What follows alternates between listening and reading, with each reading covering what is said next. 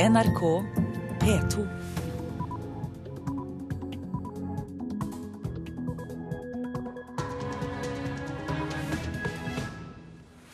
God morgen, klokken er 6.30. Det er tirsdag 4. juni i dag. Og her i Nyhetsmorgen har vi disse hovedsakene nå. Baby døde etter feil på sykehus. Systemsvikt, sier Helsetilsynet. Denne kvinnen burde hatt en jordmor hos seg hele tiden. Og det burde også vært tilkalt da legespesialiteter på et tidligere tidspunkt, slik at de var til stede når fødselen begynte. Det sa tilsynsdirektør Jan Fredrik Andresen. Sju personer evakuert og seks sendt til legevakt etter brann i Tønsberg i natt. Og økning i antall ofre for menneskehandel på krisesentre, men få går til politiet med saken. Og programleder denne morgenen, det er Tor Albert Frøsland. Helsetilsynet har avdekket svikt i hjelpen for for tidlig fødte babyer og kvinner med vanskelige fødsler får ved et av landets største fødeavdelinger. Granskningen av et dødsfall ved St. Olavs hospital i fjor viser at det ble gjort en rekke feil, sier tilsynsdirektør Jan Fredrik Andresen. Det var en veldig travel natt på St. Olav eh, den, den, natten hvor dette skjedde. Så det var, eh, det var, krevende for de jordmødrene som var på vakt, å på en måte dekke over alle arbeidsoppgavene de skulle. Den travle vårnatta ble det lagt inn en kvinne med rier. Det var fare for at hun ville føde for tidlig. Men da riene kom tettere, måtte jordmora være andre steder. Denne kvinnen burde hatt en jordmor hos seg hele tiden. Og det burde også vært tilkalt da legespesialiteter på et tidligere tidspunkt, slik at de var til stede når fødselen begynte. Men de fant ikke rett nummer til spesialisten. Da den premature babyen var født, sto utstyret på gangen, og legen som skulle få luft i barnet, hadde ikke kommet frem. Nødvendig personell kom eh, sent til stede. Det var en hendelse med et tragisk eh, utfall, og det beklager jeg sjølsagt. Sier Runa Heimstad, som er sjef ved kvinneklinikken på St. Olavs for barnet døde 70 minutter etter det ble født. Granskinga av dødsfallet har avdekket at nyfødtavdelinga ved St. Olavs hospital er organisert for dårlig, sier tilsynsdirektør Jan Fredrik Andresen. Det var manglende tilgang på jordmor. Det andre var manglende tilgang på nødvendige legespesialiteter, som bl.a. Eh, barnelege og nyfødtlege. Og det var også noe mangelfullt eh, tilrettelagt med hensyn til det utstyret de trengte i den aktuelle hendelsen feilene som dere har avdekka hos St. Olavs hospital. Hvordan ser dere på dem? Når vi eh, konkluderer med at det er et brudd på spesialisthelsetjenestelovens paragraf 2-2 om forsvarlig faglig virksomhet, så klart det er alvorlig. Helsetilsynet understreker at det ikke er sikkert at barnet ville ha overlevd hvis sykehuset hadde gitt forsvarlig helsehjelp. Klinikksjef Heimstad sier bemanninga er god nok. Antall hoder på jobb, det var tilstrekkelig. Det var bare at de nok kunne ha vært kanalisert eh, og brukt på en bedre måte. Nå skal sykehuset endre organiseringa, sånn at en jordmor alltid vet hvor det trengs hjelp. Nyfødt spesialist skal alltid være til stede på sykehuset og nås via ett nummer, og barnelegene skal tilkalles tidligere. Vi har jobba med å forbedre de punktene som de påpeker at eh, helsehjelpa ikke var god nok på. Reporter var Kristine Svendsen. Vi har fått besøk av leder Marit Heiberg i Den norske jordmorforening. Velkommen. Takk. Som vi hørte i innslaget, så går det dessverre ikke alltid bra ved fødsler på sykehus. Og vi hørte også at det var mangelfull tilgang på jordmødre. Mm. Så hvordan er egentlig rutinene ved norske fødeavdelinger, slik du ser det? Jeg vil først uh, understreke at uh, Norge er et av verdens tryggeste land å bli mor i. Uh, men det er klart at av og til så skjer episoder som ikke skulle skjedd. Eh, og mitt inntrykk er at eh, de største kvinneklinikkene våre de sliter med å ha god nok jordmorbemanning. Hvorfor det? Det er, eh, det kom, Helsetilsynet kom med kvalitetskrav til fødselsomsorgen i 2010, eh, som sier helt klart at bemanningen på de store kvinneklinikkene skal være så god at den selvfølgelig kan ivareta den faglige forsvarligheten, men den skal også kunne tilfredsstille ønsket om én jordmor til stede i det som vi kaller for aktiv fase av fødselen. Og det er det helt tydelig ikke klart å oppfylle her. Hva kan det komme av? Det kan komme av rett og slett for få folk på jobb. Og Hva tenker dere i forbundet om at det er for få folk på jobb? Jeg tenker at uh, Et enstemmig storting vedtok jo allerede i uh, 2009 uh, at jordmortjenesten skulle styrkes både når det gjelder kvalitet og kvantitet. Og et av de kravene som har kommet der, er jo dette her om aktiv, eller jordmor til stede i aktiv fase av fødselen etterpå. Det er ikke blitt fulgt opp. Det er ikke blitt flere jordmødre på de store kvinneklinikkene. Men uh, utdannes det for få, eller? Nei, det utdannes ikke for få jordmødre i dag. Eh, det er altfor stor bruk av deltid. Eh, og det er også for få stillingshjemler, rett og slett. Det er for lite penger ute i sykehusene. Til tross for at du hevder at det er trygt å bli mor i Norge på norske sykehus, mm. har dere oppdaget svakheter ved andre sykehus? Det kan synes som at Når det gjelder fra jordmødrenes side, så kan det synes som at det er verst ved de største kvinneklinikkene. Dette med å ha jordmor til stede i aktiv fase av fødselen. De største, og hva de kan største, De største, rett og slett. Altså Jo større enheten er, jo større problemer har de med å kunne oppfylle det ønsket, fordi de har så stort trøkk hele tida. Disse nettene f.eks., hvor det er veldig mye å gjøre, de kommer mye oftere. Hva kan det komme av? Det kan rett og slett komme av veldig mange fødsler på ett sted, og det kan komme da for lav jordmorbemanning. Eh, har dere sett eh, om det fins si, noen fødeavdelinger som peker seg ut i negativ retning? Du nevner de store, men mm. fins det regioner eller spesielle sykehus? Altså de, de, aller største, og da har vi jo kan du si, OUS, vi har Bergen, vi har Stavanger. Eh, Helsetilsynet i Rogaland gjorde en gjennomgang her for eh, noen år tilbake, hvor de så på nettopp dette med jordmor og legebemanning, og konkluderte med at den var på grensa til faglig uforsvarlig. Så da økte man bemanningen. Og Hvordan eh, mener du at rutinene ved norske fødeavdelinger skal kontrolleres da? Da må man rett og slett gå inn og så må man se om man fyller eh, kvalitetskravene til fødselsomsorgen. Ja, Hvordan skal man gjøre det? Titte på papirer, eller? Da må man gå inn og se på hvor ofte de klarer å tilfredsstille dette med f.eks. en jordmor til stede i aktiv fase av fødsel. Men bare la oss avslutningsvis eh, eventuelt konkludere som du begynte. Det er trygt å føde ja. i Norge. Ja. Da tar vi det med oss. Takk skal du ha, leder Marit Herberg i Den norske jordmorforening. Så til Tønsberg, for der er eh, sju personer evakuert. Tre av dem har fått lettere røykskader etter en brann på Solvang i byen i natt. Politiet måtte bryte opp to dører i åttemannsboligen, forteller innsatsleder Andreas Mørkved. Vi så at det var eh, overtenning da vi kom. Vi eh, fikk ut totalt uh, syv beboere. Og de er da kjørt uh, til legevakta i Tønsberg. Tre av de er uh, kjørt videre til akuttmottaket med lettere røykskader. Det var ganske travelt da vi kom. Politiet brøyte opp to dører og bisto med evakuering av beboere. Det er totalt åtte leiligheter i huset, og hele boligkomplekset er utbrent, totalt utbrent. Statsbygg går rettens vei for å fjerne en romleir med 15 telt ved Sognsvann i Oslo. Også i fjor gikk den statlige eiendomsforvalteren til retten for å få fjernet en teltleir på samme sted, skriver Dagsavisen. Statsbygg sier de skal ta vare på skogen og sikre at alle skal kunne bruke området til friluftsliv.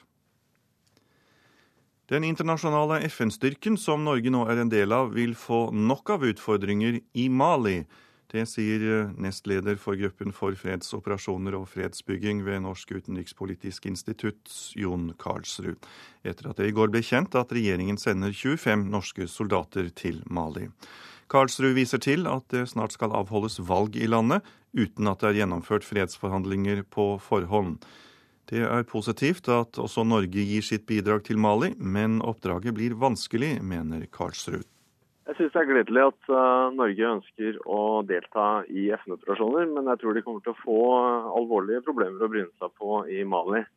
For det første så er det ikke en tradisjonell fredsoperasjon.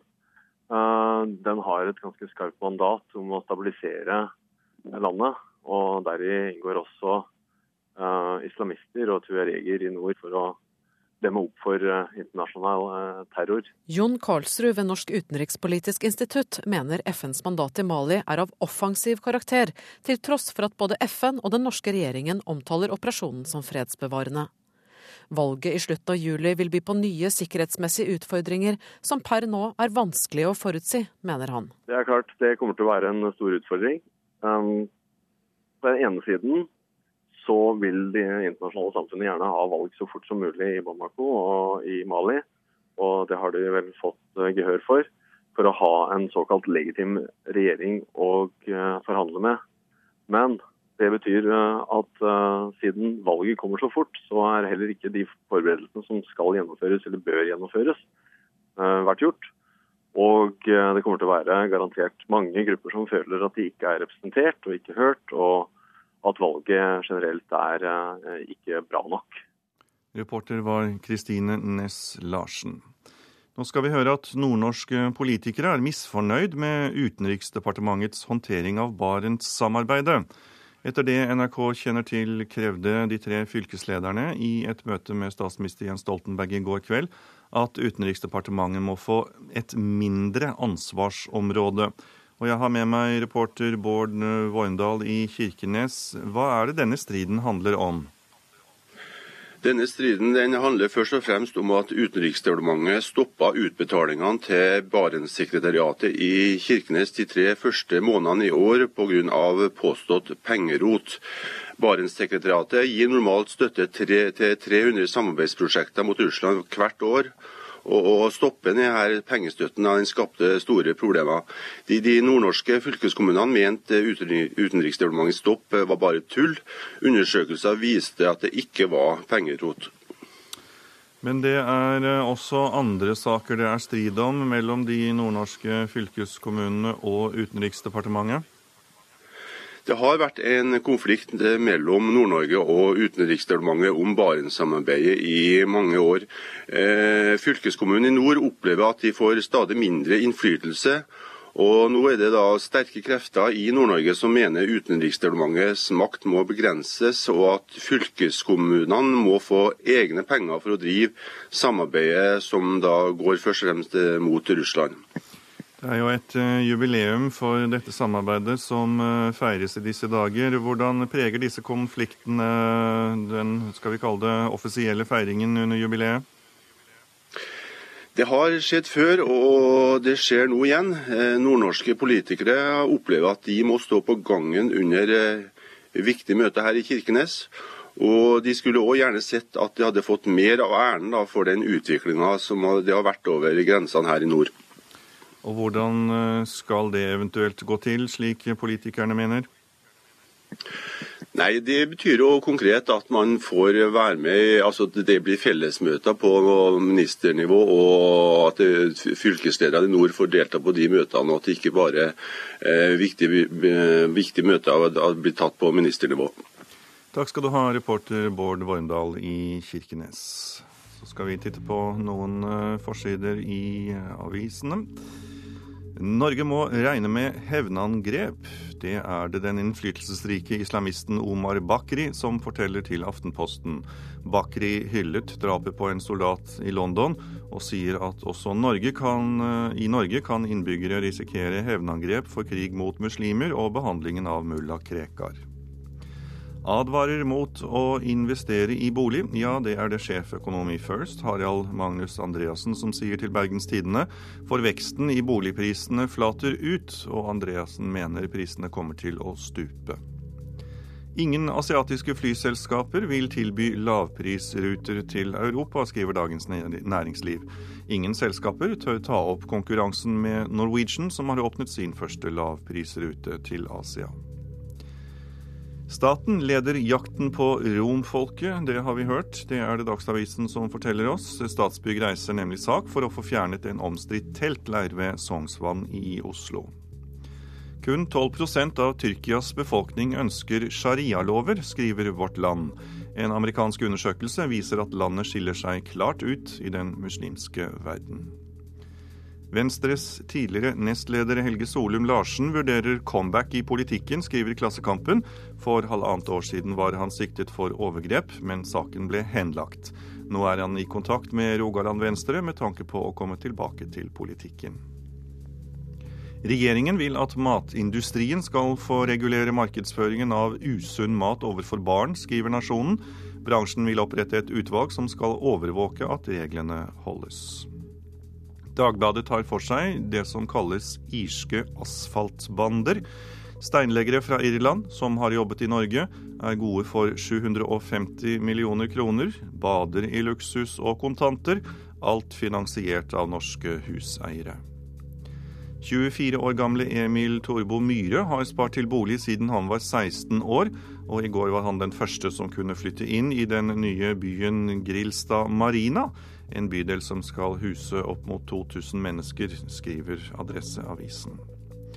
Resultatet av en måling kan sende fem Høyre-representanter fra Sørlandet til Stortinget, skriver Fedrelandsvennen. KrF blir stående helt uten sørlendinger. Og det er fare for prishopp på biler, det kan VG fortelle oss. EU vil nemlig ettergå bilprodusentenes CO2-målinger, og holder de ikke mål, så betyr det økt pris. Grunnen til at vi bytter bank, er ikke bare dårlig rente, det skriver Bergensavisen. Dårlig service og manglende personlig kontakt med banken får nå flere til å bytte. Nå skal vi ha sport. Det blir ingen ny Jon Arne Riise på landslaget, det sier Erik Huseklepp. Riise har skapt mange overskrifter mens han var på landslaget. Akkurat det savner ikke Huseklepp.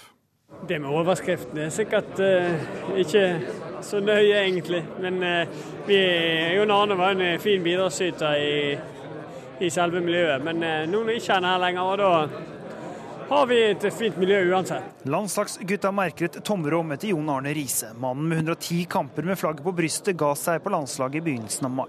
Kaptein Brede Hangeland innrømmer at savnet er der. Ja, Det er litt spesielt, jeg må innrømme det. Det var, det var tomt bak i bussen eh, på vei til og fra trening i dag. og uh, Jon Arne har jo liksom vært en del av møblementet her, så um, det, var, det var rart. Samtidig er Hangeland klar på én ting. Det finnes ingen som Riise. Det er ingen kopi av Jon Arne Riise, men uh, det får vi aldri se igjen uansett. Så det, sånn er det med den saken. Hvem er det som skal skaffe overskrifter for dere nå? Nei, det, Der er det en uh, ledig rolle, tror jeg. Så vi får se om noen uh, tar opp stafetten. Ser du noen kandidater? Nei, ingen så gode som Jon Arne. Riise skapte mye blest rundt landslaget både på og utenfor banen. Humøret, energien og seriøsiteten er noe man må ta med seg videre, sier Hangeland. Det er en arv å ta opp, uh, først og fremst uh, i form av uh, seriøsitet og kvalitet på trening og kamp. og Jeg håper at mange har lært litt av Jon Arne på det. så Det kan være fint hvis vi tar med oss videre. Huseklepp sier uansett at livet må gå videre. Uten Riise. Men Riise er Riise. Du finner ikke flere typer av han. Så nå må vi leve med de som er her. Reporter var Anders Engeland. Det er Nyhetsmorgen i NRK P2 og Alltid nyheter. Du har radioen innstilt på. Klokken den har passert 6.47, og dette er hovedsaker i nyhetene. Baby døde etter feil på sykehus. Systemsvikt, sier Helsetilsynet. Nordnorske politikere er misfornøyde med Utenriksdepartementets håndtering av Barentssamarbeidet. Og feiringen av Grunnlovens 200-årsjubileum neste år vil i stor grad prege kulturbildet landet rundt.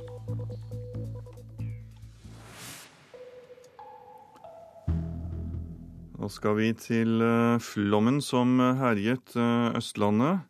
For flomrammede på Kvam, som har fått ødelagt boligene sine to ganger på to år, kan få nye tomter allerede i sommer eller tidlig i høst. Det sier ordfører Olav Røssum. I dag skal planutvalget i kommunen på tomtebefaring i den hardt flomrammede bygda. Ordfører Røssum sier planarbeidet med nye tomter vil begynne nesten umiddelbart. Det er vanskelig å si noe eksakt tidsfrist, men jeg håper at vi skal komme i gang med arbeidet før ferien. Det håper jeg. I løpet av juni måned. Olav Røssum er ordfører i en kommune som i løpet av bare to år er blitt særdeles hardt rammet av flom og jordras. Dette er lyden av den normalt så beskjedne Veipleåa som renner gjennom et av boligfeltene på Kvam. Ville og voldsomme vannmasser river med seg enorme mengder med stein, jord og trær, som på sin ville ferd ned fra Veikledalen knuser og ødelegger et stort antall hus og veier på Kvam. Ja, det, det, har gått helt i taket nå. Uff. Det er forferdelig. Katastrofe. Slik uttrykte ekteparet Anette og Stein Gjøran Sanden det i Lørdagsrevyen for ei og ei halv uke siden. Også for to år siden ble de rammet på samme måte, men den gang var de fast bestemt på å bygge opp igjen huset sitt for fortsatt å kunne bo der. Vi har nå lyst på å bo her, da. Videre hvis det lett seg gjøre. Og det håper vi nå. Men etter at Vann og Stein for 14 dager siden tok hjemmet deres for andre gang, er konklusjonen nå en helt annen. Det er ingen som har lyst til å fortsette å bosette seg her. For min del så skal ikke jeg bo oppi her mer. Ikke, ikke i Brendevegen. Nå er det slutt? Jeg klarer ikke. Men nå lover Nord-Fron kommune nye tomter. I dag skal ordfører Olav Røssum og planutvalget i kommunen på befaring. Vi har en del vedtatte planer som eh, omfatter områder der det forholdsvis fort kan settes i gang boligbygging. Jeg spurte etter ny tomt etter forrige flommen, men eh, kommunen hadde ikke noe tomte da. Så på en måte så var jeg jo litt tvinga til å bygge her òg. Kommer du til å fortsette å bo her? Nei. Nå er det slutt. Nå vil ikke jeg bo her, nei. Det, det blir ikke aktuelt. Det sier Trond Teigen, som fikk det nye huset sitt som han flyttet inn i til påske i år, fullstendig knust av flommen bare to måneder seinere. Ifølge ordfører Olav Røssum er det nå plutselig flere nye tomtealternativ på Kvam. Konkrete områder det er området i Bergomfeltet. Det er området på Skredderstugufeltet. Det er kommunale areal. I tillegg så er det noe lekt område som der det er privat grunneier, men som er regulert til boligformål. Er dette trygge områder? Disse må en kunne se er trygge områder, ja. Men det finnes fortsatt store utfordringer, sier Olav Røssum. Flomødeleggelsen har ført til så mye arbeid at det kan bli vanskelig å finne entreprenører som kan klargjøre de nye tomtene. Det som er Trøsses utfordring, er å finne kapasitet til å få gjort arbeidet.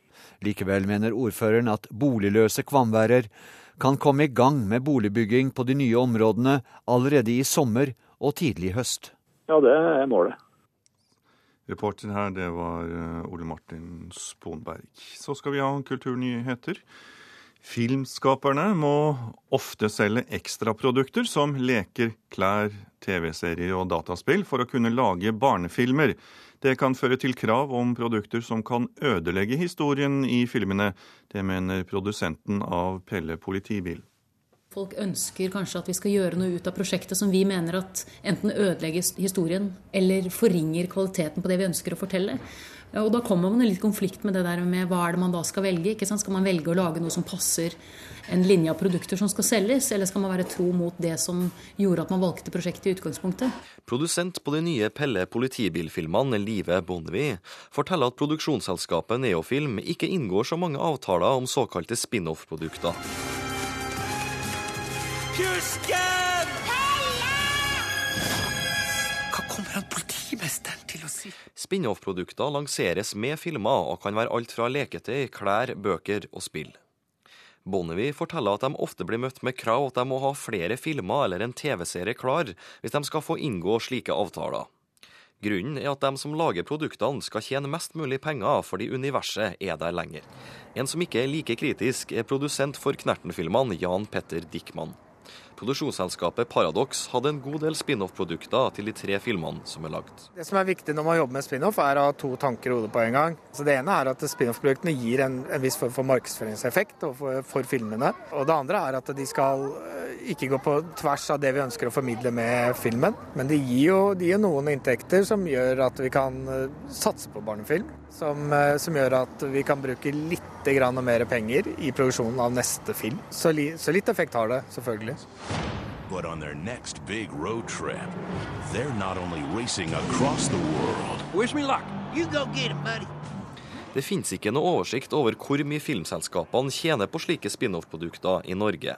Men LA Times gjorde i 2010 et overslag på hvor mye Disney tjente på kun Cars, eller Biler-filmene, på norsk. Overslaget viste at Disney hadde tjent 10 milliarder dollar på spin-off-produkter av de to filmene, som er mer enn fortjenesten til alle de elleve filmene som Pixar laga før Biler 2. Vi opplever at vi har blitt veldig avhengig av det fordi det er blitt synonymt med en suksess at det finnes eh, spin-off-produkter knyttet til produksjonen. Så hvis du kommer ut med en film og ikke har et eneste produkt, og det er en barnefilm, så lukter det litt svidd nesten. Altså Folk tenker det kan jo ikke være en god film når de ikke har noen produkter til den. Og det er vel sånn eh, amerikanerne på en måte har lært oss opp. Og NRK var i, også i kontakt med Disney for å høre om deres såkalte spin-off-produkter, men vi fikk ikke noe svar. Reporter var Rune Eian. Feiringen av Grunnlovens 200-årsjubileum neste år vil i stor grad prege kulturtilbudet landet rundt. Stavanger symfoniorkester er nå i gang med sin markering, som går ut på å samle inn folketoner fra innvandrere. Det hele skal munne ut i et nytt orkesterverk fra Gisle Kverndokk.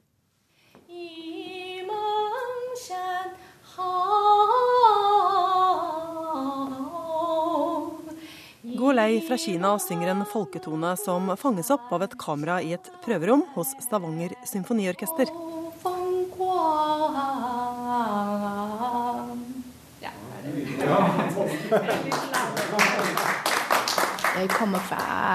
Fra til Kina.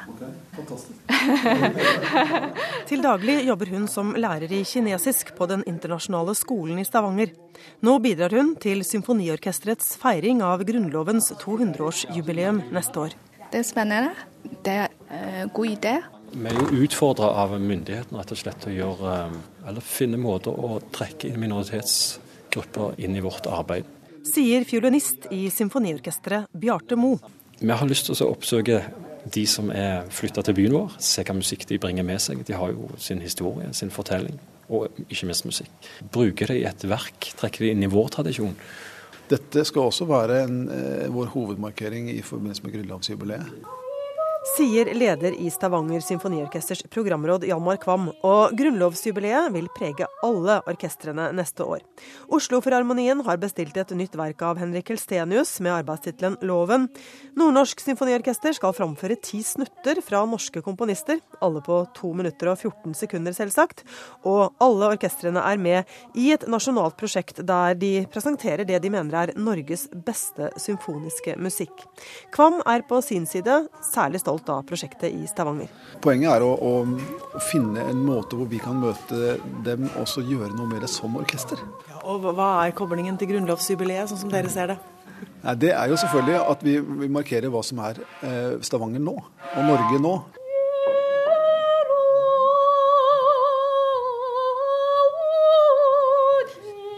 Musikal et um, språk.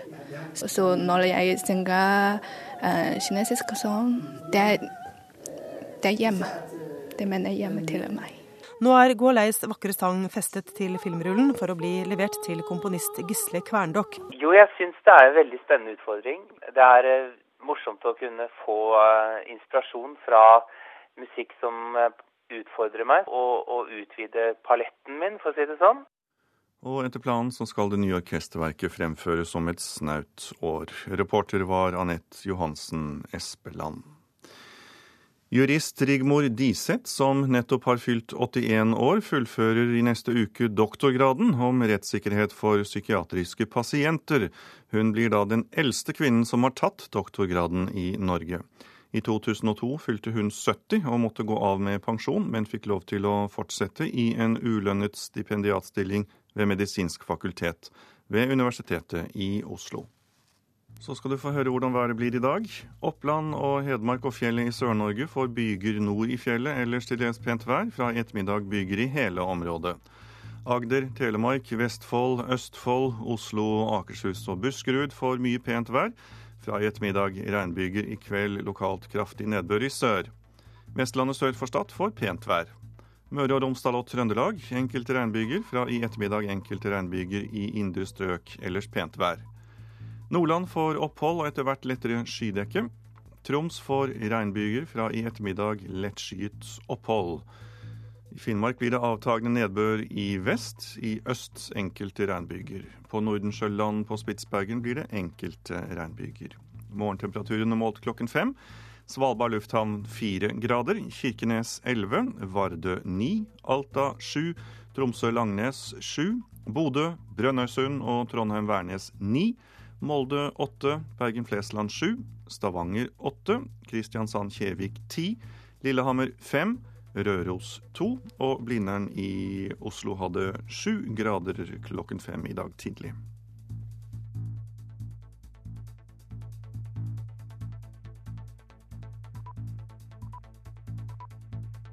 NRK P2.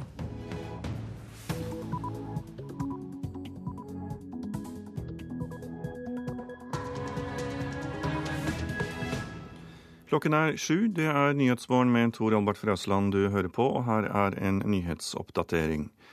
Politiet bruker enda mer tid på papirarbeid og rapportering nå enn før 22.07, stikk i strid med hva regjeringen har lovet etter 22.07-kommisjonens harde kritikk.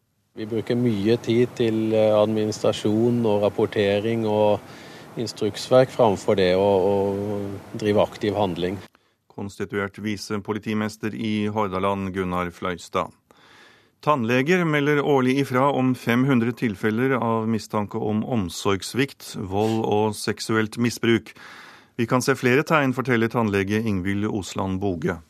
Ser etter både tannhelse og om det er sår, blåmerker.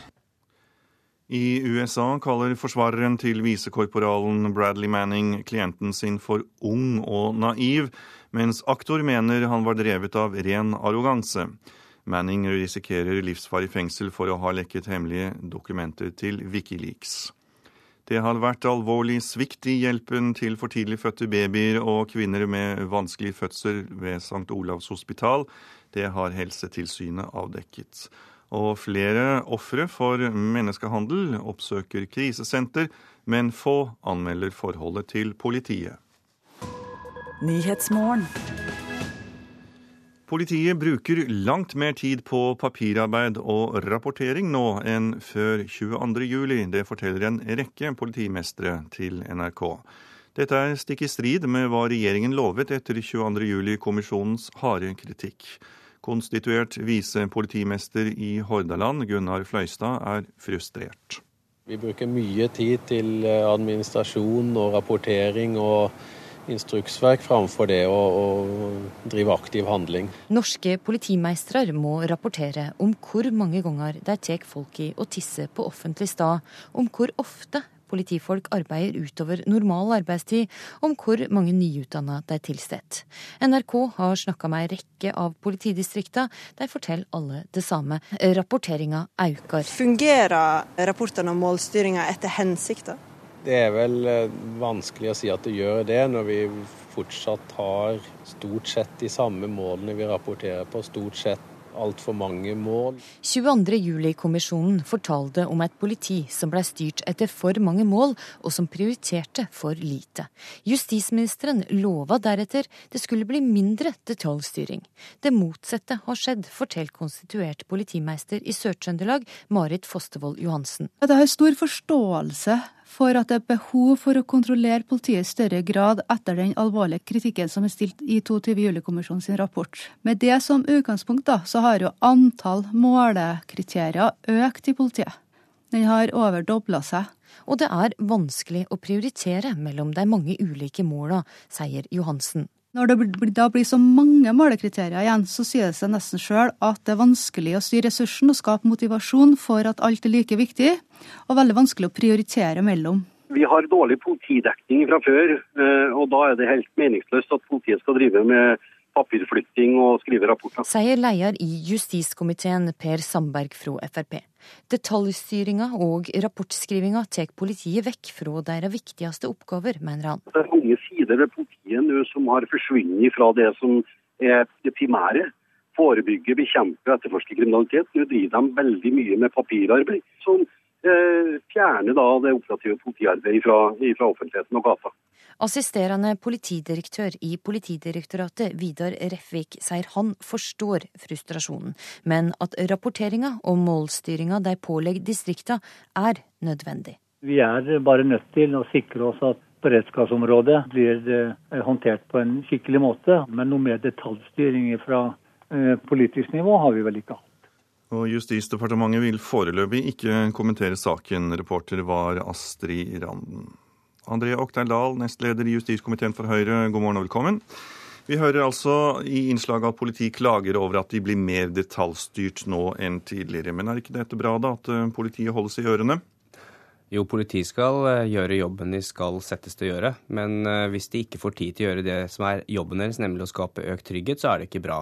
Og dette syns jeg egentlig er et tegn på at vi ikke har tatt den grunnleggende debatten om kulturer i offentlig sektor, inkludert politiet, skikkelig nok. Fordi det viser seg jo, nå er vi snart to år etter 22.07, og alt dette var jo pådekket, avdekket før 22. juli også, at politiet har altfor mange oppgaver, altfor mange mål, og nå blir det altså enda flere. Og Det betyr at vi har ikke det politiet som vi blir lovt å få rett etter 22. juli. Det er faktisk ikke blitt noe særlig bedre. Men eh, det er greit at politiet holder eh, lov og orden sånn sett i hevd. Eh, men jeg tenker, kan, er det ikke to ting som på en måte kan gå hånd i hånd her? Altså Man må måle politiet, men spørsmålet er jo om da om politiet har for mange ting de skal gjøre på en gang. Det er veldig mange motstridende mål. Politiet greier ikke å prioritere. Og som også ble sagt her, så har man jo for få politifolk i utgangspunktet. Når man nedleser de med altfor mange oppgaver, og altfor mange oppgaver som man skal måles etter, så skjønner jo alle at det er nødt til å bli rimelig stor eh, frustrasjon. og om man ikke er en krise i norsk politi, så er det i hvert fall ikke blitt svært mye bedre. Men, men dette med for få politifolk har jo regjeringen eh, sånn sett tatt hånd om, og det utdannes jo flere? Ja, men man må jo se på antallet som er versus befolkningen, og vi ligger langt på etterskudd. Så en, for å si det mildt, en ny borgerlig regjering får litt av en jobb å betale noen av de ubetalte regningene eller politidekningen. Det får vi se etter valget, men eh, Politidirektoratet mener selv at det ikke har blitt mer detaljstyring i eh, politiet. Ja, altså Politidirektoratet mente jo også selv at den hadde veldig stor peiling på informasjons- og kunnskapsteknologi før man ble fullstendig slaktet og manglet kompetanse på det. Så for å si det forsiktig, så syns jeg ofte det er greit å høre på de som jobber med ting, ikke nødvendigvis de som sitter og mottar rapportene i etterkant. For er det noe vi har sett, så er det ikke sånn at verken departement eller direktorat er de som har evnet å vurdere situasjonen i norsk politi. Det at politiet skal konsentrere seg mer om, eh, om eh, bekjempe kriminalitet, eh, ser du ikke nytten eller verdien da at det rapporteres? Man må alltid rapportere, men man skal jo rapportere om de viktigste tingene. og Hovedpoenget til Høyre er jo at vi er nødt til å få et norsk politi hvor vi har flere politifolk, men som får færre oppgaver å konsentrere seg om. For alle vet jo hvis man har 1000 oppgaver, og man har penger til å gjøre 500 av dem, og man skal måles på alle de 1000 oppgavene, så blir det en rimelig uoversiktlig situasjon og skaper langt mindre trygghet enn det vi skal kunne forvente av norsk politi. Takk skal du ha, André Okterdal. Du er nestleder i justiskomiteen for Høyre. Bedre rutiner har gjort at tannleger har blitt flinkere til å varsle dersom de har mistanke om at barn er utsatt for omsorgssvikt, vold eller seksuelt misbrukt.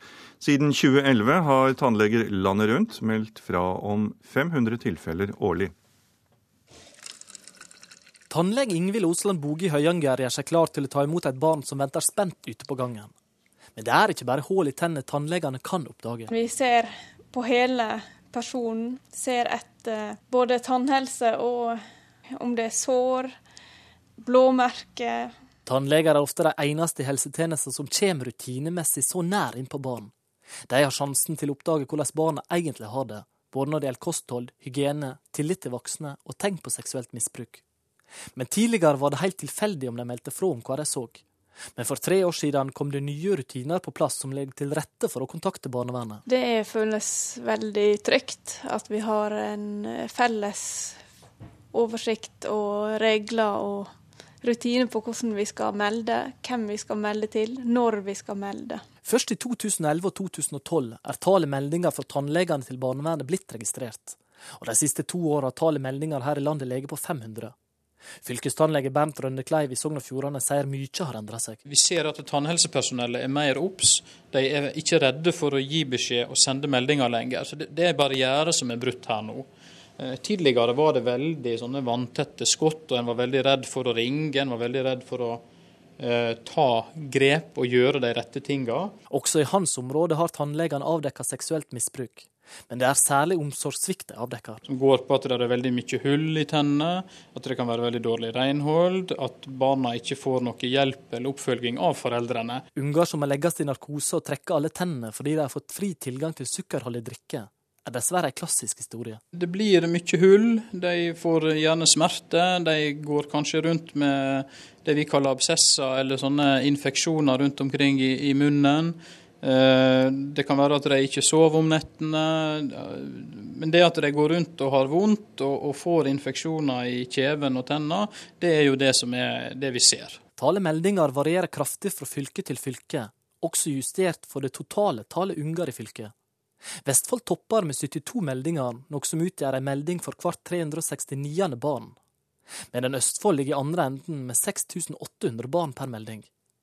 Trolig skyldes dette forskjellige rutiner for når en melder fra, og Helsedirektoratet jobber med å få på plass nasjonale retningslinjer. Målet vårt er jo null, men jeg tror ikke vi er der. Tilbake i Høyanger er tannlege Osland Boge uansett glad for at det er lagt til rette for at hun kan melde fra om barn som trenger hjelp. Veldig godt. At de får den hjelpa de trenger. Reporter det var Terje Gilleshammer. Jeg har fått besøk av barneombud Anne Lindboe. God morgen. God morgen. Du, Som vi hørte i dette innslaget, så har altså da tannlegene blitt flinkere til å rapportere og varsle når de har mistanke om at barnet er utsatt for både omsorgssvikt, vold eller seksuelt eh, misbruk. Hvordan stiller Barneombudet seg til eh, dette? Nei, Det syns jeg er veldig positivt. Eh, og det å fange opp barn utsatt for omsorgssvikt og vold og seksuelle overgrep tidlig, det er en av de aller viktigste tingene vi kan, eh, kan gjøre, og helt vesentlig for at barn skal kunne utvikle seg og, og, få gode liv senere. Det å fange det opp tidlig. Og tannlegene de er i en litt sånn spesiell situasjon fordi at de, de følger opp eh, barna ganske regelmessig. Og så har de veldig god tilgang til De ser godt ansikt og, og munn og, og, hals, som er områder der det er lett å se barnemishandling. Ja, De kommer tettere på barna, som det ble sagt i innslaget her. Men hvordan kan man best oppdage at et barn er utsatt for omsorg? omsorgssvikt, vold eller misbruk? Det viktigste er jo å ha kompetansen. Eh, og Derfor er det så innmari viktig at eh, alle som jobber med barn, altså tannleger, leger, sykepleiere, de som jobber i barnehage, eh, lærere, alle som jobber direkte med barn, kjenner til eh, symptomene på vold og overgrep, og ikke minst vet hva de skal gjøre. For det er Én ting er å, å, vite om det, på en måte, men så er det det å tørre å gjøre noe når man har den mistanken, og vite at man har en meldeplikt faktisk til barnevernet. I innslaget så hørte vi at en barriere er brutt eh, hos uh, tannlegene når det gjelder å, melde fra. Men hvor bør terskelen ligge for å melde fra dersom en har mistanker? Terskelen bør faktisk ligge ganske lavt. Uh, og det står i barnevernsloven at man skal melde fra hvis man har grunn til å tro. Og det er veldig viktig å poengtere at det betyr ikke at du skal vite, og det betyr ikke at du selv skal sette i gang eh, alvorlige undersøkelser. Det er opp til barnevernet eller politiet faktisk å undersøke om, om et barn faktisk er utsatt for mishandling. Så som helsepersonell og, og en som jobber direkte med barn, og faktisk alle som omgås barn, så har man en plikt i forhold til å si ifra, selv om man ikke er sikker og selv om man ikke vet. Men én ting er å melde ifra. Eh, er det ensbetydende med at barna faktisk får hjelp? Altså jeg synes også det er viktig å, å være klar over at uh, mye av det uh, som barnevernet driver med, det er faktisk å sette inn frivillige tiltak og hjelp i familiene. Og det er ikke sånn at hvis man sier fra om et barn man er bekymret for, så er det automatisk sånn at, at barnevernet kommer løpende inn i familien og drar, uh, drar barnet ut, ikke sant. Og det er klart at vi mye, mye godt arbeid gjøres i barnevernet. Og så er det noen som kan bli bedre i forhold til Vi vet at noen Og hvordan skal det bli bedre? Nei, det å ta eh, meldinger om vold og overgrep på alvor. Altså Når det kommer en bekymringsmelding om vold, så skal det ha høy prioritet i, i, i barnevernstjenestene. Og det skal utredes skikkelig, og man skal ikke gi seg før hver eh, stein er snudd. fordi det er så potensielt alvorlig for de barna det gjelder. Takk skal du ha, barneombud Anne Lindboe, for at du kom til oss i Nyhetsmorgen. Klokken den er straks 7.14. Eh, det er Nyhetsmorgen eh, du lytter til, og her er hovedsakene våre. Politiet bruker mindre tid ute i gatene og mer tid på skriving, stikk i strid med 22.07-kommisjonens anbefalinger. Hjelp til for tidlig fødte barn og kvinner med vanskelige fødsler har vært for dårlig ved St. Olavs hospital. Det har Helsetilsynet avdekket. Og som vi nettopp hørte, tannleger melder årlig ifra om 500 tilfeller av mulig omsorgssvikt, vold og seksuelt misbruk av barn. Nå skal vi til uh, Tyrkia, for der har det vært nye sammenstøt mellom politi og demonstranter i morgentimene. Og jeg har med meg Midtøsten-korrespondent Sigurd Falkenberg Mikkelsen. Du er i Istanbul. Uh, hvordan er situasjonen i morgentimene? Det har vært eh, sammenstøt mellom politi og demonstranter for nå eh, fjerde natt eh, på rad. Det er tåregass mot stein. Og det er jo da de samme scenene som gjentar seg. De kaster stein, de har store barrikadesystemer rundt Taksimplassen, og så er det da trefninger i, i ytterkanten av plassen. Akkurat det voldelige aspektet er en liten del av demonstrasjonene, det er ikke det hele. Men nettene har vært voldsomme, og det har de også vært i natt. Og nå ser det ut til at eh, en større fagforening kaster seg inn og varsler to dagers streik fra i dag. Hvordan vil det arte seg? Ja, Det er fagforeningen KESK som organiserer mange offentlige ansatte som går ut i en to dagers varslingsstreik, som de kaller det, til støtte for demonstrasjonene, og ikke minst som protest mot eh, måten politiet har håndtert eh, denne situasjonen på, og voldsbruken fra politiets side. Får se hvordan den blir eh, fulgt, og eventuelt om de får følge av andre fagforeninger. Eh, men det er klart at det eh, øker det politiske presset og, og gjør situasjonen vanskeligere for regjeringen og myndighetene her i Tyrkia. Ja, for denne voldsbruken som du nevner, den var jo svært hard i starten. Har den avtatt noe etter hvert, eller hvordan er den? De har i hvert fall uh, trukket seg vekk fra uh, Taksim-plassen, sånn at den åpne konfrontasjonen, de mest voldelige scenene, foregår nå på en litt uh, annen måte. det, men Bortsett fra det, så der, når det er trefninger, så er det fortsatt, fortsatt en, en, en, røff voldsbruk. Det er mange som er arrestert. Eh, og vi har også fått det andre eh, dødsfallet i disse demonstrasjonene som har nå herjet eh, Tyrkia i fire dager. En 22 år gammel mann skal være skutt i det sørlige Tyrkia, i byen Antakya. Det melder TV-kanalen NTV. Omstendighetene rundt dette er uklare, men det viser jo noe om, og sier noe om at situasjonen er, er farlig. Takk skal du ha, Midtøsten-korrespondent Sigurd Falkenberg Mikkelsen. Den tiltalte amerikanske visekorporalen Bradley Manning risikerer å tilbringe resten av livet i fengsel. Rettssaken mot 25-åringen som skaffet Wikileaks hemmelige og graderte dokumenter, startet i går. Forsvareren kaller Manning en ung og naiv mann, mens aktor mener han var drevet av ren arroganse. A hero for peace awarded to Bradley Manning. Yeah! Støttespillerne til den tiltalte visekorporalen Bradley Manning hyllet 25-åringen på utsiden av den militære leiren Fort Meade her i Maryland i går, da krigsrettssaken mot ham startet. Manning er bl.a. tiltalt for med viten og vilje å laste ned flere enn 100 000 dokumenter med hemmelig og gradert informasjon, og over 250 000 diplomatiske rapporter sendt til det amerikanske utenriksdepartementet. I tillegg skal han ha lastet ned 74 000 e-postadresser og personlige opplysninger om amerikanske soldater som tjenestegjorde i Irak. Alt av det ulovlige materialet skal den unge visekorporalen ha videresendt til varslernettstedet Wikileaks. Militærekspert Philip Carter ved Center for a New American Security sier at lekkasjene hadde en tydelig ødeleggende effekt for USAs forhold til sine allierte. There's been an effect on U.S. foreign policy that's hard to calculate. And that, in my view, has had a pretty significant damaging effect on our relationships with the countries whose cables or whose discussions have been disclosed uh, by way of WikiLeaks. I den strengt bevoktede militærleiren her i Maryland gjentok Bradley Manning i går i rettslokalet at han erkjenner straffskyld for ti av de 21 tiltalepunktene. Innrømmelsen dreier seg bl.a. om videreformidling av graderte dokumenter og uautorisert besittelse av dokumenter og rapporter. Manning nekter straffskyld for de alvorligste tiltalepunktene om at han skal ha ytt fiender av USA bistand eller drevet spionasje.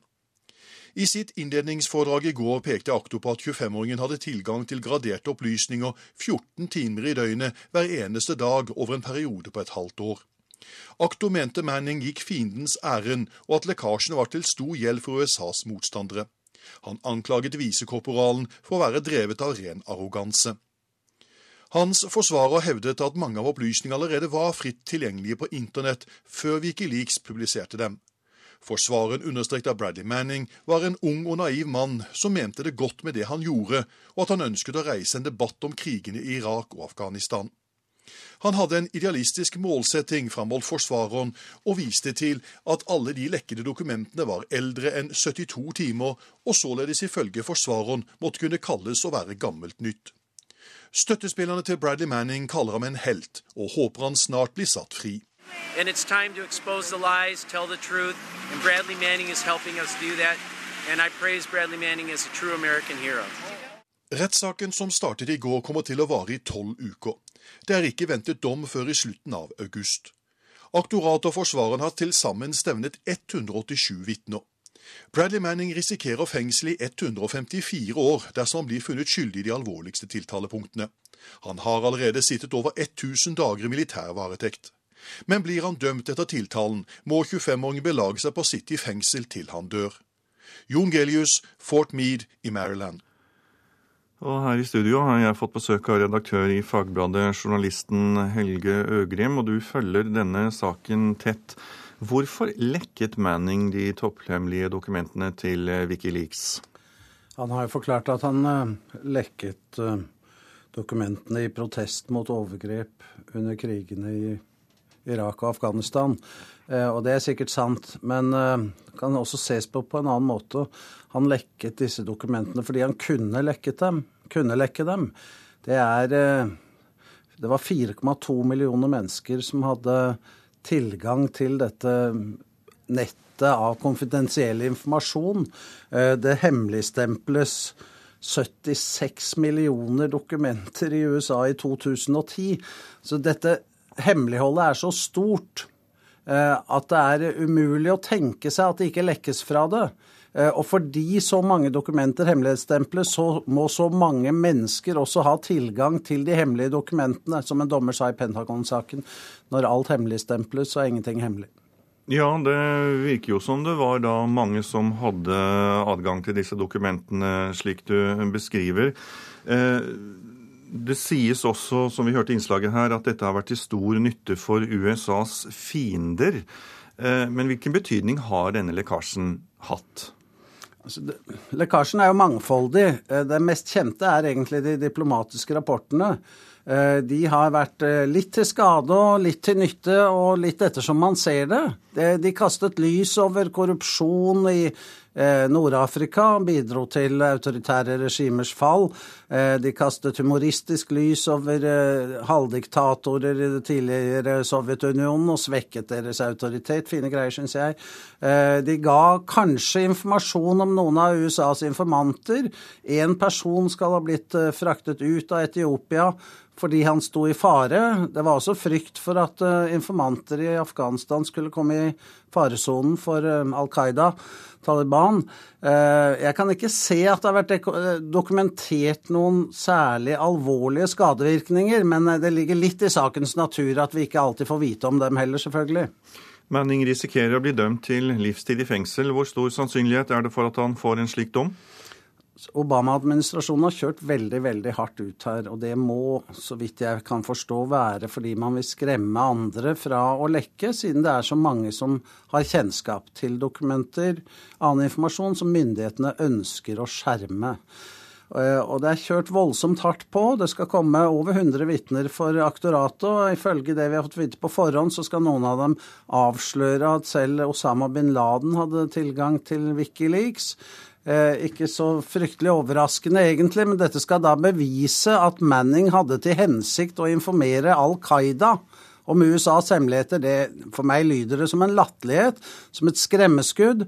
Eh, og jeg holder det fortsatt for mulig, og er kanskje litt optimist, men jeg holder for mulig at flere av tiltalepunktene rakner, og at han bare dømmes for litt mer enn det han har tilstått, og at han slipper unna kanskje med 30 års fengsel, som vil være en veldig, veldig streng straff for eh, en informasjonstjeneste til mange mennesker, og for en uforsiktig eh, omgang med offentlig informasjon.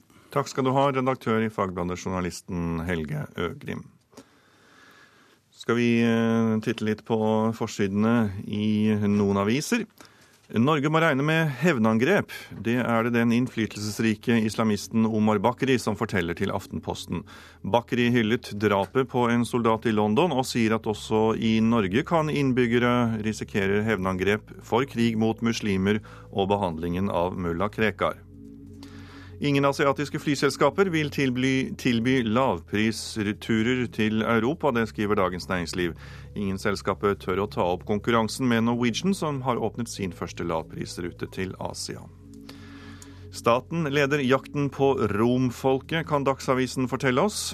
Statsbygg reiser sak for å få fjernet en omstridt teltleir ved Sognsvann i Oslo. Bare 12% av Tyrkias befolkning ønsker sharialover, skriver Vårt Land. En amerikansk undersøkelse viser at landet skiller seg klart ut i den muslimske verden. Advarer mot å investere i bolig. Ja, det er det sjeføkonom i First Harald Magnus Andreassen som sier til Bergens Tidende. For veksten i boligprisene flater ut, og Andreassen tror boligprisene kommer til å stupe. Venstres tidligere nestleder Helge Solum Larsen vurderer comeback i politikken, det skriver Klassekampen. For halvannet år siden var han siktet for overgrep, men saken ble henlagt. Nå er han i kontakt med Rogaland Venstre med tanke på å komme tilbake til politikken. Nå skal vi høre at flere ofre for menneskehandel oppsøker krisesenteret i Stavanger. I fjor søkte elleve om beskyttelse, men bare tre anmeldte forholdet til politiet. Leder ved krisesenteret i Stavanger, Monica Welde Monsen, sier de har opplevd en økning de siste fem årene, og at disse ofrene bor lenge på krisesenteret, og lengre enn andre. På kjøkkenet til krisesenteret i Stavanger rydder Happy ut av oppvaskmaskinen. Hun heter egentlig noe annet, men er livredd for at noen skal kjenne henne igjen, etter at hun ikke lenger orket å selge sex til tilfeldige menn i Stavanger sentrum. Leder ved krisesenteret i Stavanger, Monica Welde Monsen, forteller at det kommer stadig flere ofre for menneskehandel til dem. Vi har jo sett en økning de siste fem åra. Det som vi ser er jo at hvis vi får dem, så de er veldig slitne og trøtte, det er jo gjerne derfor hjelpeapparatet har plukket de opp på et eller annet vis òg. For det der er gjerne rett og slett ikke mer å gå på. De prostituerte vet vi jo har veldig press på seg på å ha veldig lange arbeidsdager for å få nok kunder. Okay. Yeah. So, so um, where are you normally? Do you have your own room here? Ja, Happy har sitt eget rom, og hun har bodd på senteret i tre måneder nå. For to år siden ble hun hjulpet til Norge av en hyggelig afrikansk mann, forteller hun. Han ordnet alle detaljene ved reisen. Hun hadde en drøm om å få gå på skole, og det er det hun forteller sin far at hun gjør her. Leder for seksjon organisert kriminalitet ved Rogaland politidistrikt, Bjørn Vidar Bollestad, forteller at det i fjor var tre saker som omhandlet menneskehandel. Og hittil i år har det vært fire saker. Det er vanskelige saker å etterforske, rett og slett fordi at eh, bevismessig er det en utfordring å få eh, folk, altså de som er ofre til å stå fram. Folk er redde i dette miljøet, det er av god grunn òg. Happy hadde vært ganske lenge i Norge da bakmannen krevde at hun skulle betale ham 30 000 euro. Hun er en av få som faktisk har anmeldt forholdet, forteller lederen for krisesenteret i Stavanger. Anmelder alle ofrene for menneskehandel? Nei, de gjør ikke det. Hos oss har det vel vært ca. en tredjedel som har søkt om refleksjon og da ønsker å ha kontakt med politiet i i, i det øyemed å gi en anmeldelse. Dessverre er det få saker som blir løst. I fjor ble det avsagt kun fire dommer i Norge. Ingen av dem var i Rogaland. Nei, dessverre så har det vært uh, altfor få uh, dommer, for å si det sånn. Uh, vi hadde en dom i, i 2007 som var mye omtalt. Det var jo egentlig for, uh, faktisk Norges første dom i forhold til tvangsarbeid. Så hadde vi en, en dom i 2009 det var en eh, ganske omfattende sak, omfattende etterforskning, som avdekka eh, førte til at en bakmann ble tatt, eh, som òg ble dømt for, for menneskehandelparagrafen, men òg for, for hallikvirksomhet. Happy håper på å få bli i Norge. Hun har søkt om en refleksjonsperiode, som dersom den innvilges, vil gi henne et opphold på seks måneder i landet.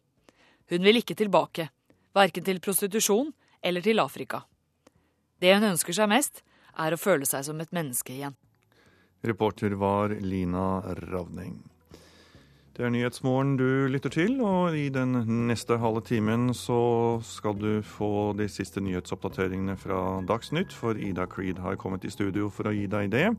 I utenriksreportasjen etter Dagsnytt kan du høre om mannen som gjorde karriere ved å knuse andres gode navn og rykte. Han har selv havnet i en mediestorm.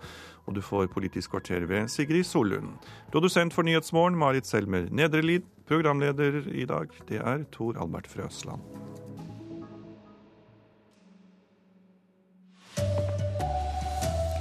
Politiet bruker mindre tid ute i gatene og mer tid på kontorarbeid, stikk i strid med rådet fra 22.07-kommisjonen.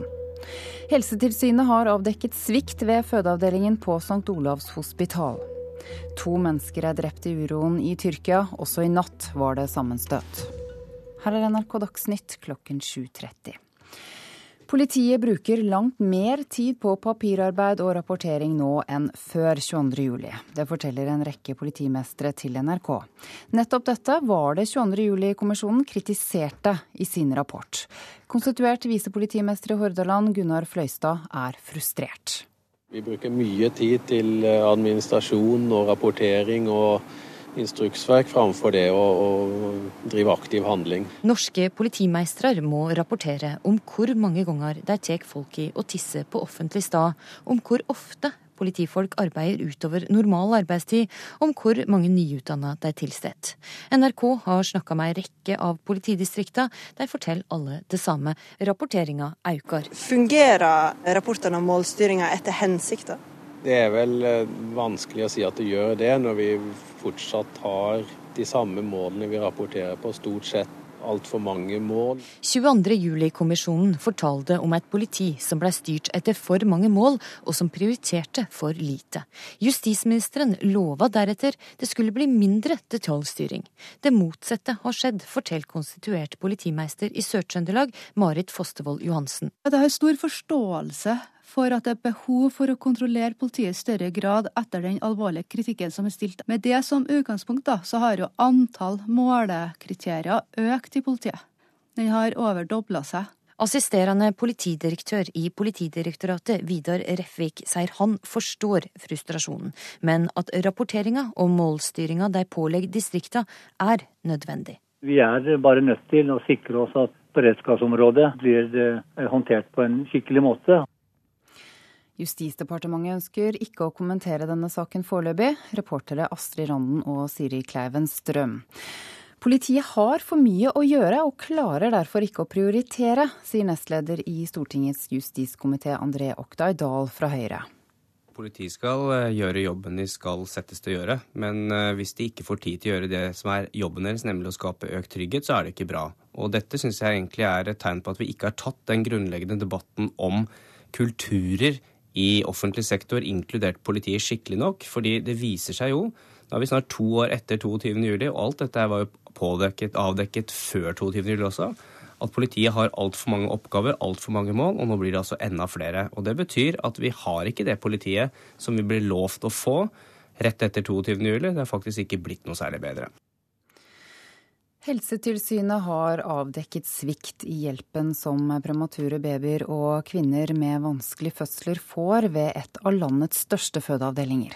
Granskningen av et dødsfall på St. Olavs hospital i Trondheim i fjor viser at det ble gjort flere feil, sier direktør i Helsetilsynet Jan Fredrik Andresen.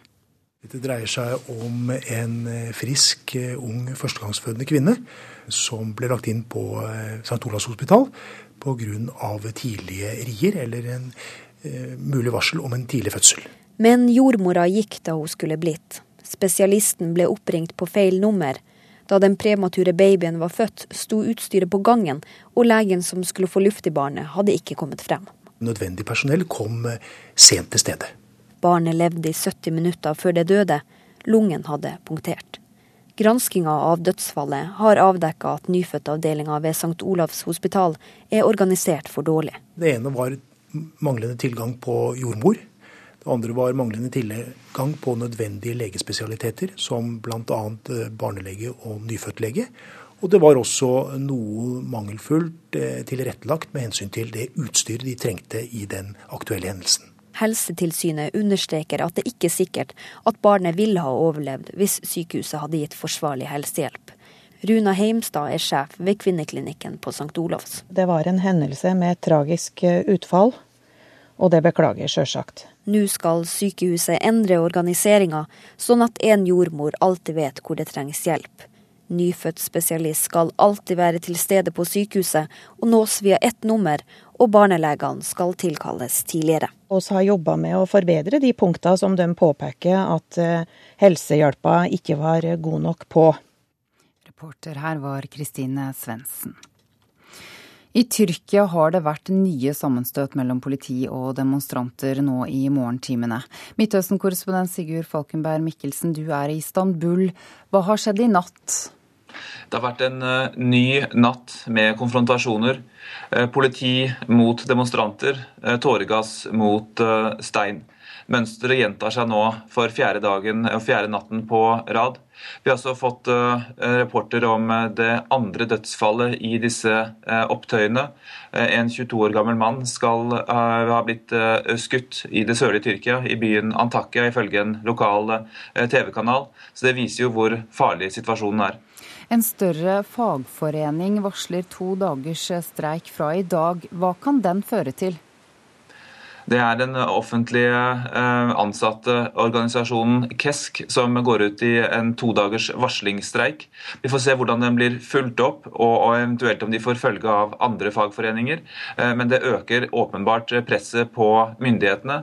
Det skal også være et eh, møte i dag mellom visestatsministeren, Tayyip Erdogan er jo selv på reise, og presidenten Abdullah Gull. Og Der kan man kanskje vente en mer forsonende tone enn det statsminister Erdogan har hatt eh, så langt. Kan dette opprøret bre seg slik at vi kan snakke om en tyrkisk vår nå? Eh, jeg tror ikke den sammenligningen eh, er særlig god. Det vi ser derimot, er at tyrkerne gjør opprør mot et eget politisk system ut fra et sett tyrkiske omstendigheter. Og dette handler jo veldig mye om Erdogans måte å styre Tyrkia på, og ikke minst om han skal få muligheten til å endre systemet, slik at han kan bli president eh, neste år. Takk til deg, Midtøsten-korrespondent Sigurd Falkenberg Mikkelsen. Vi skal hjem igjen og høre at eh, tannleger over hele landet nå har fått en viktig rolle i å avdekke omsorgssvikt og mishandling av barn. Siden 2011 eh, har tannleger landet rundt fått rutiner på å varsle, og hvert år blir det nå sendt rundt 500 bekymringsmeldinger til barnevernet.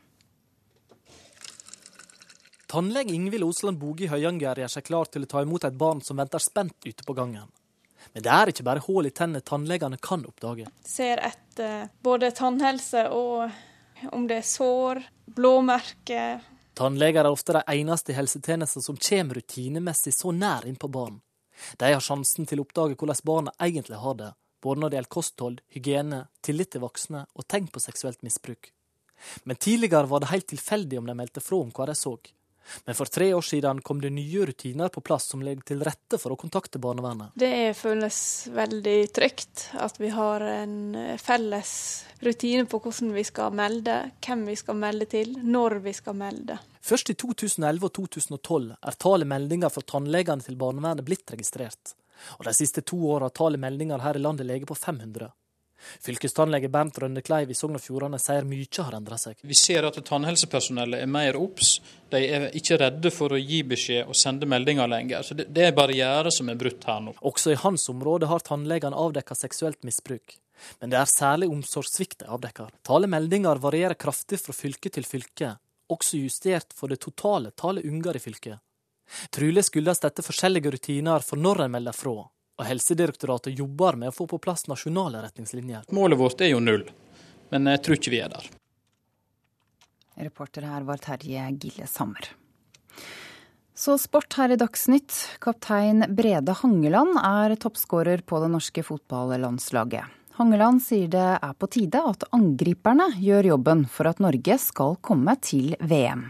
Hvis jeg er i nærheten av toppen der, så kommer vi ikke til Brasil. Eh, så eh, noe, noe må skje på den lista der. Så la oss håpe at det, at det løsner litt for, for, laget. Det norske landslaget har bare fått inn sju mål på fem kamper i VM-kvalifiseringen. Og forsvarsbautaen Brede Hangeland er toppskårer alene med to mål. Vi vil ikke ha en for forsvarsspiller som skal skåre målene, vi vil gjerne at angrepsspilleren skal skåre mål. Angriper Tariq Elionossi smiler litt når han tenker på Hangeland som toppskårer, og innrømmer at noe må gjøres. Så vi foran her, eh, vi, vi, har en jobb å gjøre. Så Men eh, jeg tror det skal gå fint. Norge møter Albania borte i en viktig VM-kvalikkamp på fredag. Kaptein Hangeland håper han mister toppskårertittelen, og savner en virkelig goalgetter på det norske landslaget. Det hadde vært deilig om en eller annen sto fram og ble en så stor skårer. Det hadde vi trengt. Reporter Anders England. Ansvarlig for denne sendingen er Gro Arneberg. Teknisk ansvarlig Hanne Lunås. I studio Ida Creed. Og her i Nyhetsmorgen skal vi høre om mannen som gjorde karriere ved å knuse andres gode navn og rykte. Han har selv havnet i en mediestorm. Den britiske PR-guruen Max Clifford beskyldes nå for seksuelle overgrep. Det var der det startet, både med å holde noen i hånden og ikke minst The Beatles. Dette var Max Cliffords første jobb, nemlig å få fart i den noe ukjente britiske popkvartetten The Beatles tidlig i deres karriere, etter hvert også deres vei til USA, hvor for øvrig nettopp I Wanna Hold Your Hand ble den store hiten med én million solgte eksemplarer, alt ifølge PR-mannens egen biografi. Den 13. mars 1986 kom det som kanskje i hele Max Cliffords karriere står som den mest berømte tabloidavisforsiden, nemlig forsiden i avisen The Sun. Overskriften lød rett og slett 'Freddy Starr ate my hamster'. Freddy Starr spiste hamsteren min. En historie, uten særlig rot i virkeligheten, om underholderen Freddy Starr som angivelig hadde spist en levende hamster i protest da han ikke fikk servert mat av en kvinne da han ba om det. Max Clifford klarte også å få fulgt opp saken dagen derpå ved å troppe opp på døren til Starr sammen med en journalist og enda en hamster, og den het likså godt Sandwich, selvsagt. Bare for å få laget en sak om at Freddy Starr altså ikke hadde spist noen hamster likevel. Freddy Starr fikk kort sagt en brakstart på turneen sin, som startet rett etter oppslagene. Please welcome the man who will always have to live with Freddy Starr ate my hamster, Freddy Starr! Men det skulle komme avisoppslag med langt større konsekvenser.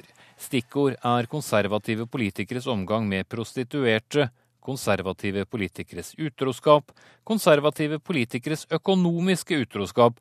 Ja, Max Clifford var ivrig i å sørge for å jage John Major og hans konservative parti ut av Downing Street nummer ti. Samtidig som han også fikk knust forfatter og konservativ politiker Jeffrey Archers kandidatur som London-ordfører.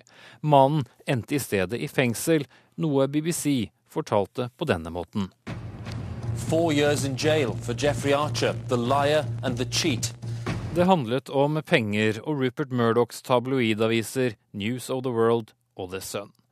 Folk tjente hundretusener på å gå med historiene sine til nettopp Max Clifford og hans maskineri.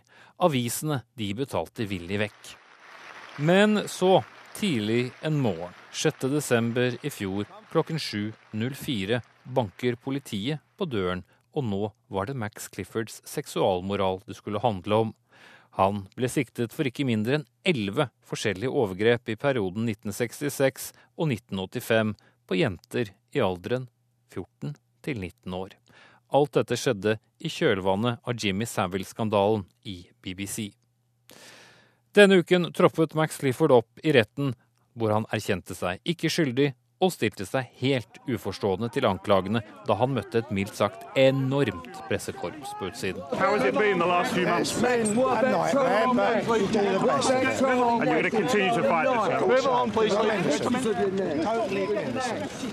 Men Clifford han må tilbake til retten, og det allerede 12.6. En av medieverdens tidligere mektigste PR-guruer kan nok sakten selv trenge noen gode råd nå, ja, og kanskje en hånd å holde i.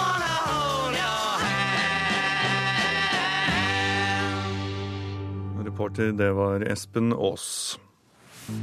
Hovedsaker i Nyhetsmorgen det er at politiet sier de bruker mindre tid ute i gatene og mer tid på kontorarbeid, stikk i strid med rådet fra 22.07-kommisjonen. Helsetilsynet har avdekket svikt ved fødeavdelingen på St. Olavs hospital. Og to mennesker er drept i uroen i Tyrkia. Også i natt var det sammenstøt. Nå skal vi ha Politisk kvarter, og Norge sender soldater til Mali med SVs velsignelse, programleder Sigrid Solund. Hvorfor er det greit for fredspartiet SV å sende soldater inn i en ny betent konflikt?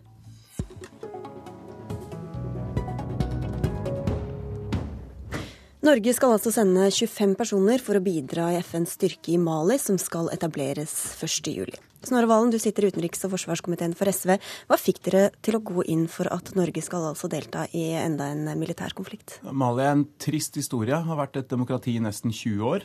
Eh, ble utsatt for militærkupp i fjor. Og nå er det hardlinere på alle sider i konflikten eh, som bestemmer, og lite håp foreløpig om politisk forsoning og, og fred. Eh, og Da er det jo veldig bra at Sikkerhetsrådet i FN har klart å samle sammen en resolusjon Eh, som danner grunnlaget for en fredsbevarende styrke i Mali. Og Vi i SV har jo lenge vært opptatt av å prioritere deltakelse i FNs fredsbevarende operasjoner. Eh, jeg mener det er viktigere enn å delta i Nato-operasjoner andre steder. Og etter å ha vurdert den saken her nøye, så har vi kommet fram til at vi mener det er riktig å hjelpe til med det FN ber oss om å hjelpe til med. Hvilke dilemmaer og kvaler har du kjent på før du endte på et ja, da? Nei, først og fremst at uh, Mali er en veldig kompleks konflikt. Det er mer enn to sider. Uh, det er voldsomme menneskerettighetsbrudd som begås av de fleste parter i konflikten. Og tidligere i vinter, som mange sikkert husker, så ble vi forespurt om å delta i EUs, beklager, EUs opplæringsmisjon uh, i Mali for å trene opp regjeringshæren i Mali. Det var vi og regjeringa veldig skeptisk til, og derfor sa både SV og de andre regjeringspartiene nei til det. Siden den gang så har FNs sikkerhetsråd fått på plass et solid mandat. Og det må på plass for at Mali skal kunne gjennomføre nye valg, for at menneskerettighetsbruddene skal kunne ta slutt, og for at forsoning skal finne sted. Da må det være en internasjonal tilstedeværelse i Mali, og det er vi forberedt på å hjelpe til med.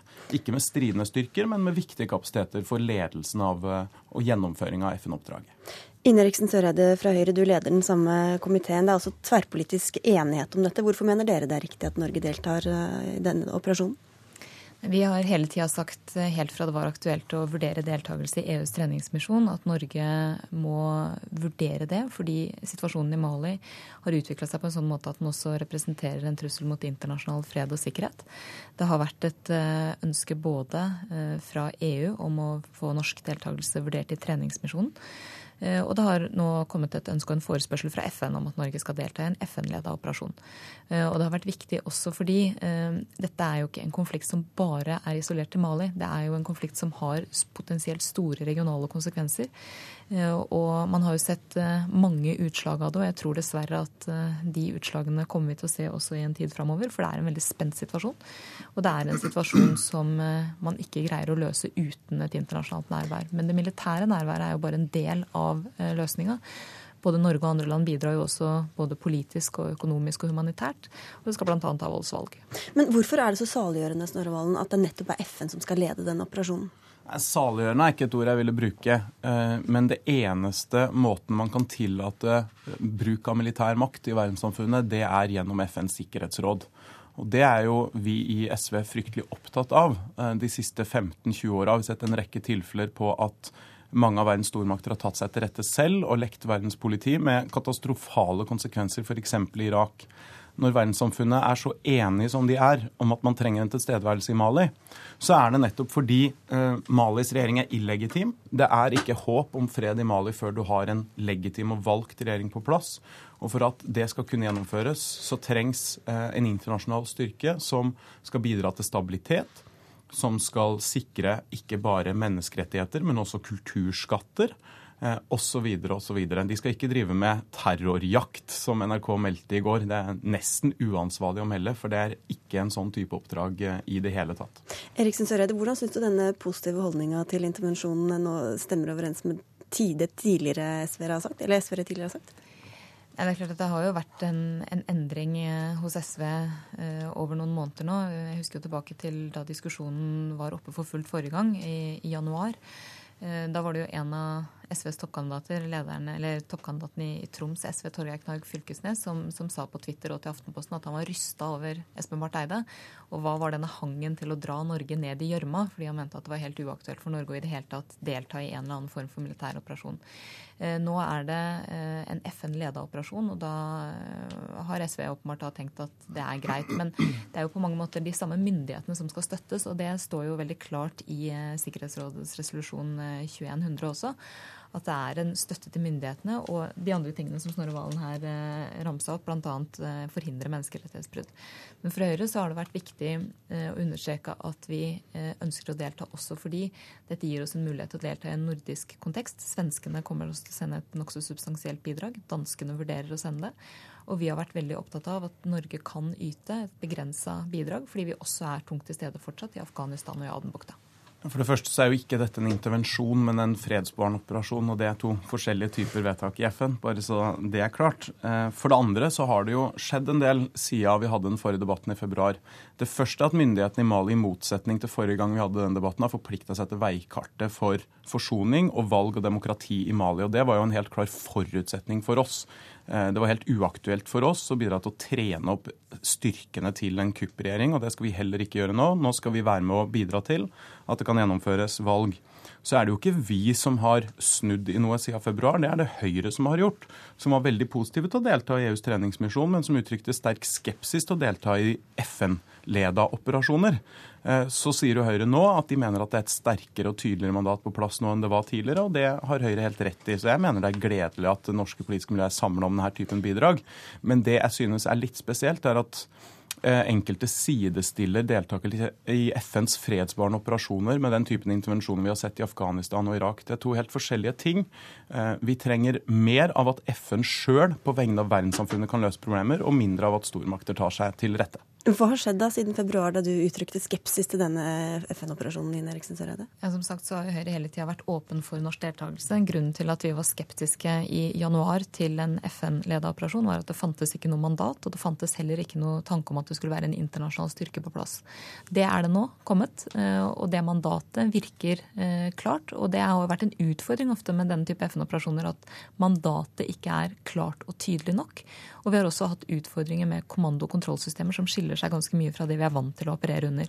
Og så er det jo, det er jo to typer operasjoner her. Det er jo FN-operasjoner, som altså f.eks. Libya og Afghanistan, som har et klart FN-mandat, men hvor det er andre enn FN som utfører selve operasjonen. Og så har du de FN-leda operasjonene, som er det som nå kommer på plass.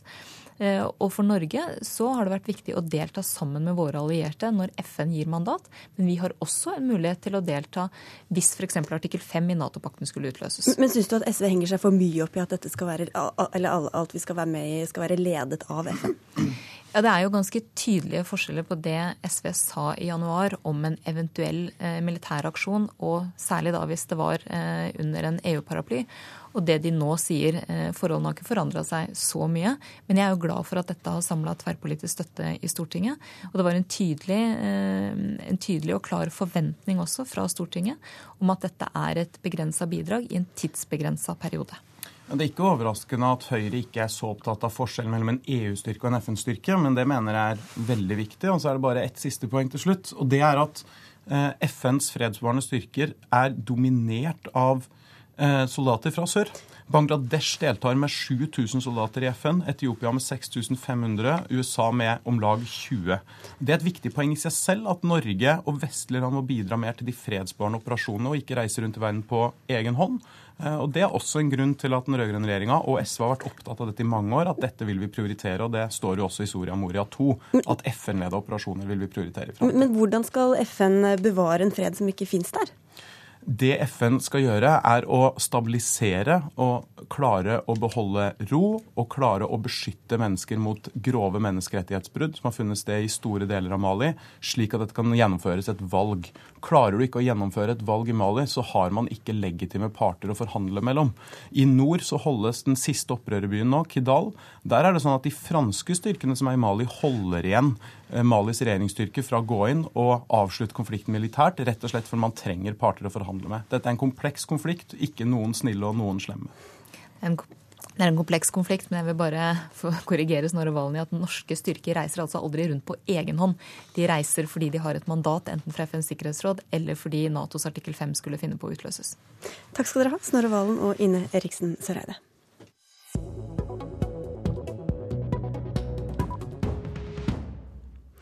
Politimestere landet rundt sier de har fått mer papirarbeid, mer rapportering og flere mål å styre etter nå enn før. Noe som er i strid med det som skulle skje etter 22. juli-kommisjonens rapport, som kritiserte nettopp det. kritikken var så alvorlig at politiet måtte på en måte kontrolleres i større grad. For å sjekke at man faktisk tar kritikk og endringen på alvor. Og det som da skjer, det er at man tilfører politiet en betydelig økning av antall eh, målekriterier. Samtidig som at rapporten vinkler det dit at vi har for mange målekriterier, som også er en kritikk fra rapporten. Så det er et veldig motsetningsforhold mellom det som er kritikken, og behovet for å se at politiet har tatt kritikken på alvor. Vi opplever det sånn at vi bruker mer tid på rapportering enn tidligere. Vi bruker mye tid til eh, administrasjon og rapportering og instruksverk framfor det å, å drive aktiv handling. Det sa et knippe politimestre til NRK. Justisdepartementet takket nei til å komme til Politisk kvarter, men politisk kommentator her i NRK, Trine Eilertsen, hvordan henger dette sammen med det justisministeren har sagt og lovet, bl.a. etter 22.07? Det de opplever, er at de får stadig nye mål, eh, stadig mer detaljerte mål, uten at eh, andre gamle mål eh, saneres. Og Det er jo en utfordring for en organisasjon som har fått kritikk for at de er for detaljstyrte, og for at de har for mange mål og ikke greier å prioritere mål. Hvordan er dette i andre offentlige etater, da? Altså, vi hører jo denne klagen på uh, måten målstyringen foregår, både fra skoleverket, fra helsevesenet. Uh, kritikken går uh, langs en del av de samme linjene. Vi må bruke veldig mye ressurser og kapasitet på å rapportere og fylle ut skjema og holde på med ting som vi egentlig ikke helt klarer å se nytten av i vår hverdag, er jo tilbakemeldingen. og Det som var utgangspunktet for det som skjer innenfor politiet, det er jo kritikken fra 22.07-kommisjonen som eh, sa det, at uh, her er det uklar målstyring, og man må lære seg å bruke mål, og ikke minst tenke på resultatstyring. Altså hva oppnår vi med dette? Og det har jo også uh, statsministeren sagt veldig tydelig. Stortinget har sagt i sin tilbakemelding etter 22. juli-kommisjonen at dette er noe vi må jobbe med. Så det er klart at sånne ting tar lang tid. Det er kultur, det er ledelsesmodeller, det er styringsmodeller, det er veldig komplekse ting. Men det som kanskje er litt illevarslende, det er hvis man før man har gjort jobben med å endre på det og gjennomgå hva mål er det som ikke fungerer, som ikke drar oss i riktig retning, som vi egentlig følger opp bare for å, for å gjøre det, som det kan virke som av og til. Eh, hvis man ikke har gjort den jobben før man får nye mål, så blir det veldig uhåndterlig å være de som skal sitte ute i siste leddet og både følge opp mål og utvikle en mye sterkere beredskap. Du nevnte Jens Stoltenberg. Eh, han sa altså i kjølvannet av denne rapporten at han ville legge vekt på raskere beslutninger og bedre gjennomføringsevne. I Politisk kvarter for et halvt år siden svarte han dette på spørsmål om eh, hvorvidt offentlig sektor har for mange mål de skal oppnå. Det er en fare for at det lett er slik at når vi setter opp mål, og det bør vi jo gjøre for forvaltningen, så blir det lett slik at det som er lett å måle, er det man også setter mest ressurser inn på. Og igjen er det type et dilemma, for vi kan jo ikke ikke formulere mål, men vi må vakte oss for å eh, si, for, formulere for mange mål, bli for detaljorienterte, men heller konsentrere oss om bedre og klarere mål, og så følge opp dem. Men Hvordan virker det som om dette er fulgt opp, eh, Trine Eilertsen? Altså, 22. juli-kommisjonen de slo jo fast i at en av problemene innenfor justissektoren det var jo ledelsens evne til å klargjøre ansvar, etablere mål og treffe tiltak for å oppnå resultater. Det var ikke tilstrekkelig. Det var tilbakemeldingen. Og så sier eh, regjeringen når de kommer med sin terrorberedskap, at å styrke mål- og resultatstyringen, det er et eget, et eget mål, om du vil. Eh, og da, da må man selvfølgelig begynne å jobbe med ledelsen i etatene innenfor eh, for offentlig forvaltning for å få det til. Og Spørsmålet er om man er kommet langt nok til det, til at man er klar for å etablere nye mål. Og det, Av og til så fremstår det som noe panisk at disse Politimestrene får stadig nye mål og måletter. Hvor kommer de fra? Eh, de kommer selvfølgelig som en politisk etterlysning, men det er også et politisk ansvar å si at nå kan ikke vi begynne å måle på en hel liste med nye ting før vi har eh, ryddet opp i de målene de allerede skal rapportere på. Hvordan vil du si at offentlig sektor skiller seg fra privat eh, når det gjelder akkurat det her? Altså, New Public Management er jo en eh, sånn eh, besvergelse som eh, får veldig mye kritikk. og Det handlet om at offentlig sektor skulle lære av privat sektor, skulle lære å være tydeligere på målformulering, tydelig målstyring, resultatstyring. Vi skulle få mer gjennomsiktighet i bruken av offentlige penger. Et godt utgangspunkt, et viktig utgangspunkt. og Det er ikke noe poeng å kaste det over bordet, for det er viktig for alle. For Litt av forskjellen på offentlig og privat sektor det er jo at, at offentlige ledere de leder politisk styrte organisasjoner. De skal ha en helt annen innsyn. Men i privat sektor er man kanskje flinkere til å sanere mål når man ser at det ikke har en hensikt. Ikke har man folk til å følge de opp, eh, og ikke har man eh, ressurser til å følge opp meningsløse mål. Takk skal du ha, Trine Ellertsen, for at du tok turen til Politisk kvarter, som nå er slutt. Mitt navn er Sigrid Solund. Hør flere podkaster på nrk.no podkast.